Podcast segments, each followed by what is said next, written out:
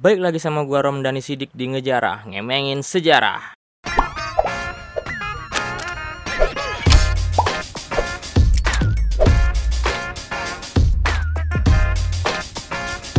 Halo, assalamualaikum. Gimana nih kabarnya kawanan penjara?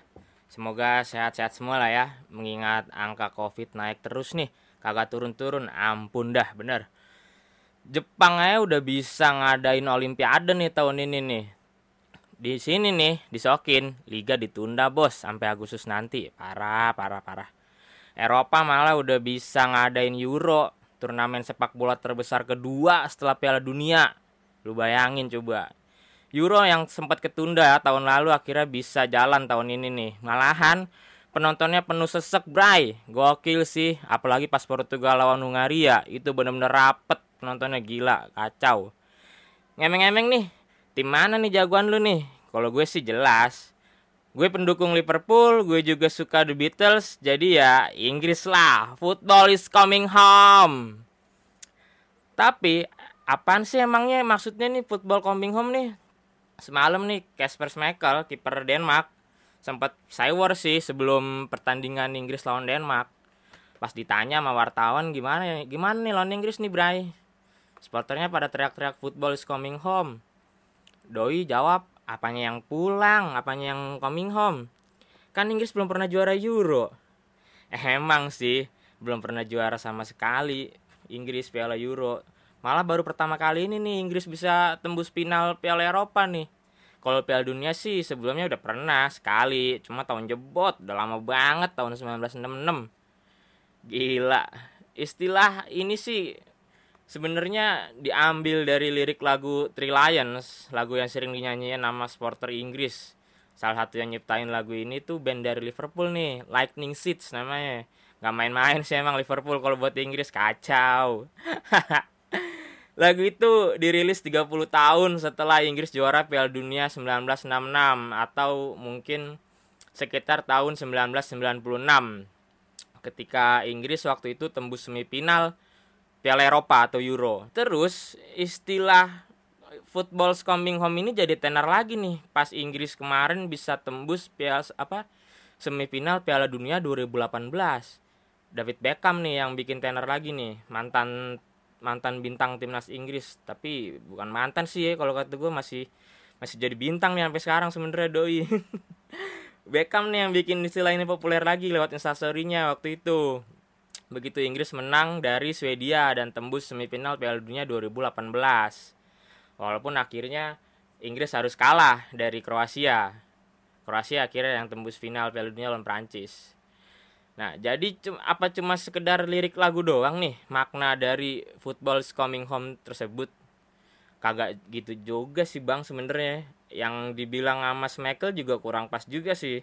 Karena secara harfiah itu memiliki bahwa sepak bola kembali ke Inggris di mana permainan itu ditemukan atau e, balik lagi lah ke asalnya bahasanya begitu kurang lebih. Emang sih masih jadi perdebatan di mana asal muasal tanah kelahiran sepak bola ini ditemuin. Ada yang bilang katanya Tiongkok udah nemuin sepak bola duluan nih, jauh sebelum Inggris. Tapi asumsi gue soal sepak bola yang ada di Tiongkok dulu itu merupakan sepak bola tradisional. Sementara sepak bola modern, sepak bola yang sering kita tonton bahkan sering kita main ini sampai hari ini nih, itu asalnya dari Inggris. Kenapa gitu? tercatat bahwa FA atau The Football Association, Federasi Sepak Bola Inggris merupakan federasi sepak bola tertua di dunia. 26 Oktober 1863 FA berdiri di kota London, Inggris. Dan turnamen Piala FA juga merupakan turnamen tertua di dunia. FA juga berhasil membawa revolusi dalam dunia sepak bola modern yang dampaknya sampai hari ini bisa kita rasain. Tapi revolusi apa sih emang dibawa sama FA nih dalam dunia sepak bola?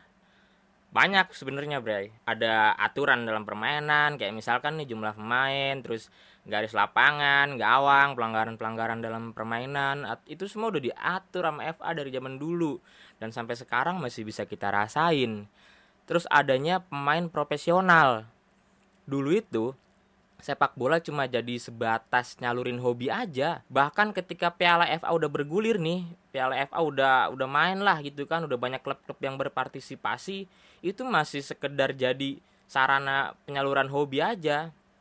Karena waktu itu pemain pemain bola itu nggak nggak digaji sama klub nggak ada pemain profesional. Itu aturan FA waktu itu pemain harus punya pekerjaan di luar sepak bola. Artinya ya pemain itu bener-bener pekerjaannya tuh bukan bukan bukan jadi atlet sepak bola. Makanya nih nggak heran lah klub-klub di Inggris itu lahir dari kelas pekerja karena klub itu lahir dari pabrik-pabrik yang ada di Inggris waktu itu. Nah FA juga nggak segan-segan nih bakal sidak. Bu kalau misalkan ketahuan ada ada pemain yang dia nggak punya pekerjaan dan dia cuma main bola doang gitu kan. Dia nggak segan-segan juga buat nyoret itu pemain buat buat keluar lu nggak usah ikut turnamen ini gitu kan bahasanya gitu. Nah meskipun dari kelas pekerja ya tapi ada juga yang da bukan dari pabrik nih kayak dari pegawai-pegawai bank ya pekerja-pekerja kelas atas lah kelas bangsawan kayak Old Etonian misalnya contohnya tuh. Itu salah satu klub yang isinya itu rata-rata alumni dari Etonian College yang kerja jadi pekerja mapan. Dan beberapa pemain Old Etonian juga jadi pengurus FA bahkan ada yang jadi presiden asosiasi FA nih kalau gue nonton di film The English Game gitu apa buatan Netflix tuh. Nah setelah melewati beberapa musim turnamen Piala FA salah satu bintang Old Etonian Arthur Knight waktu itu naik jadi presiden asosiasi FA. Arthur lah sebenarnya yang ngerubah semua aturan yang ada sebelumnya. Yang tadinya nggak ada tuh pemain profesional, itu jadi ada. Bisa dibilang aturan itu sih yang benar-benar bikin sepak bola bisa seru jadi kayak hari ini. Kalau enggak ya cuma jadi sekedar nyalurin hobi aja. Kita semua juga nggak mungkin kepikiran sih punya cita-cita jadi pemain bola kalau aturannya dulu itu nggak dirubah. Kita juga nggak bakal bisa nonton orang-orang Brazil main di Eropa.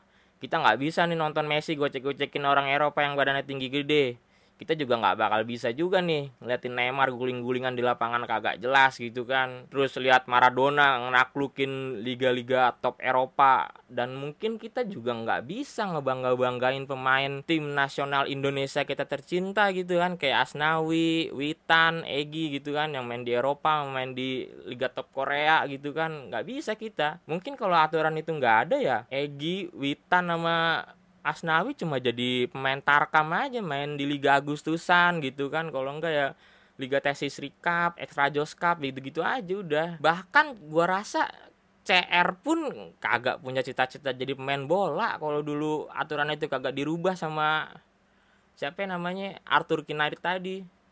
Nah dari situ tuh Arthur Kinarit tuh dikasih julukan tuh the first Lord of football. Jadi kurang lebih begitulah sejarahnya kenapa ada istilah football coming home. Selain itu nama The FA juga menjadi spesial karena tidak ada mencantumkan nama negaranya Inggris pada nama asosiasi tersebut. Ini merupakan salah satu penanda bahwa mereka lah pendiri asosiasi sepak bola pertama di dunia.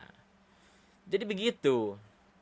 Bukan karena apa namanya pialanya balik ke rumah tapi karena Inggris berhasil menaklukkan sebuah turnamen sepak bola yang awalnya dari tanah kelahirannya di Inggris itulah yang akhirnya kemudian muncul istilah football coming home.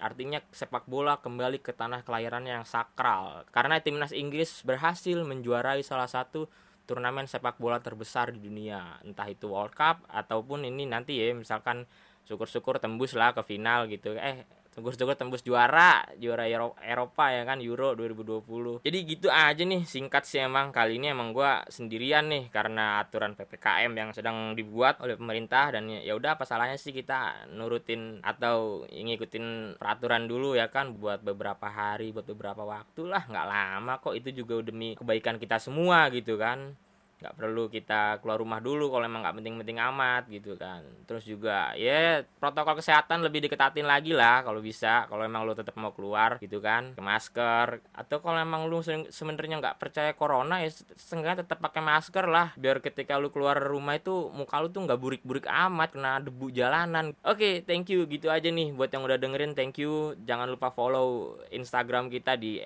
@podcast ngejarah kasih komentar masukan atau mungkin debat di kolom komentar juga nggak apa-apa asal yang penting jangan chaos. Karena uh, perdebatan-perdebatan atau perseteruan itu seru sih itu yang bikin seru gitu kan. Kalau nggak ada kalau nggak ada perdebatan atau perseteruan itu nggak asik lah hidup ini. Tapi ya jangan sampai chaos jangan sampai pukul-pukulan gitu. Udah cukup covid ini yang bikin chaos. Komentar-komentar kalian tuh jangan bikin chaos gitu kan. Oke okay, see you on next episode and goodbye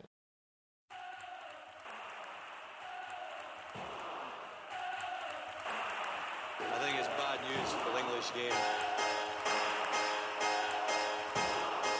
We're not creative enough. We're not positive It's enough. coming home. It's coming home. It's coming. Football's coming home. We'll go on getting back, results, getting back, results, It's getting back, results, coming getting back. It's coming. Football's coming home. It's coming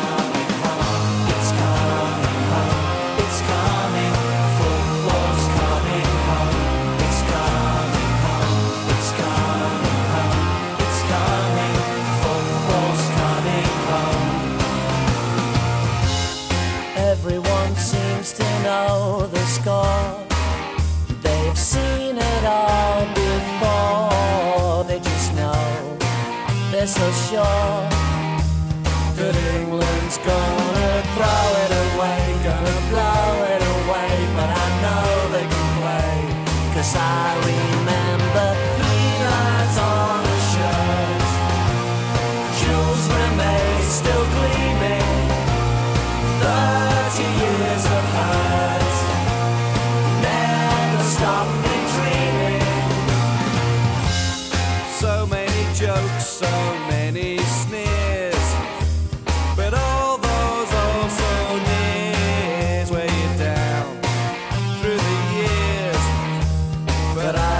Still see that tackle by Moore, and when Lineker scored, Bobby Belt in the ball.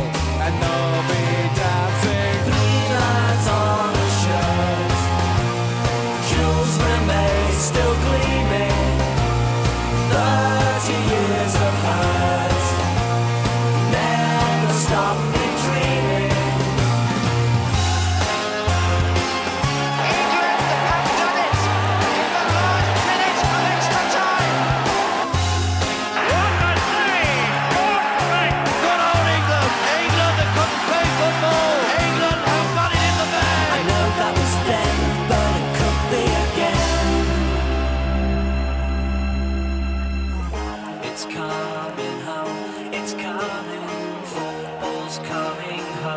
it's coming home, it's coming home, it's coming,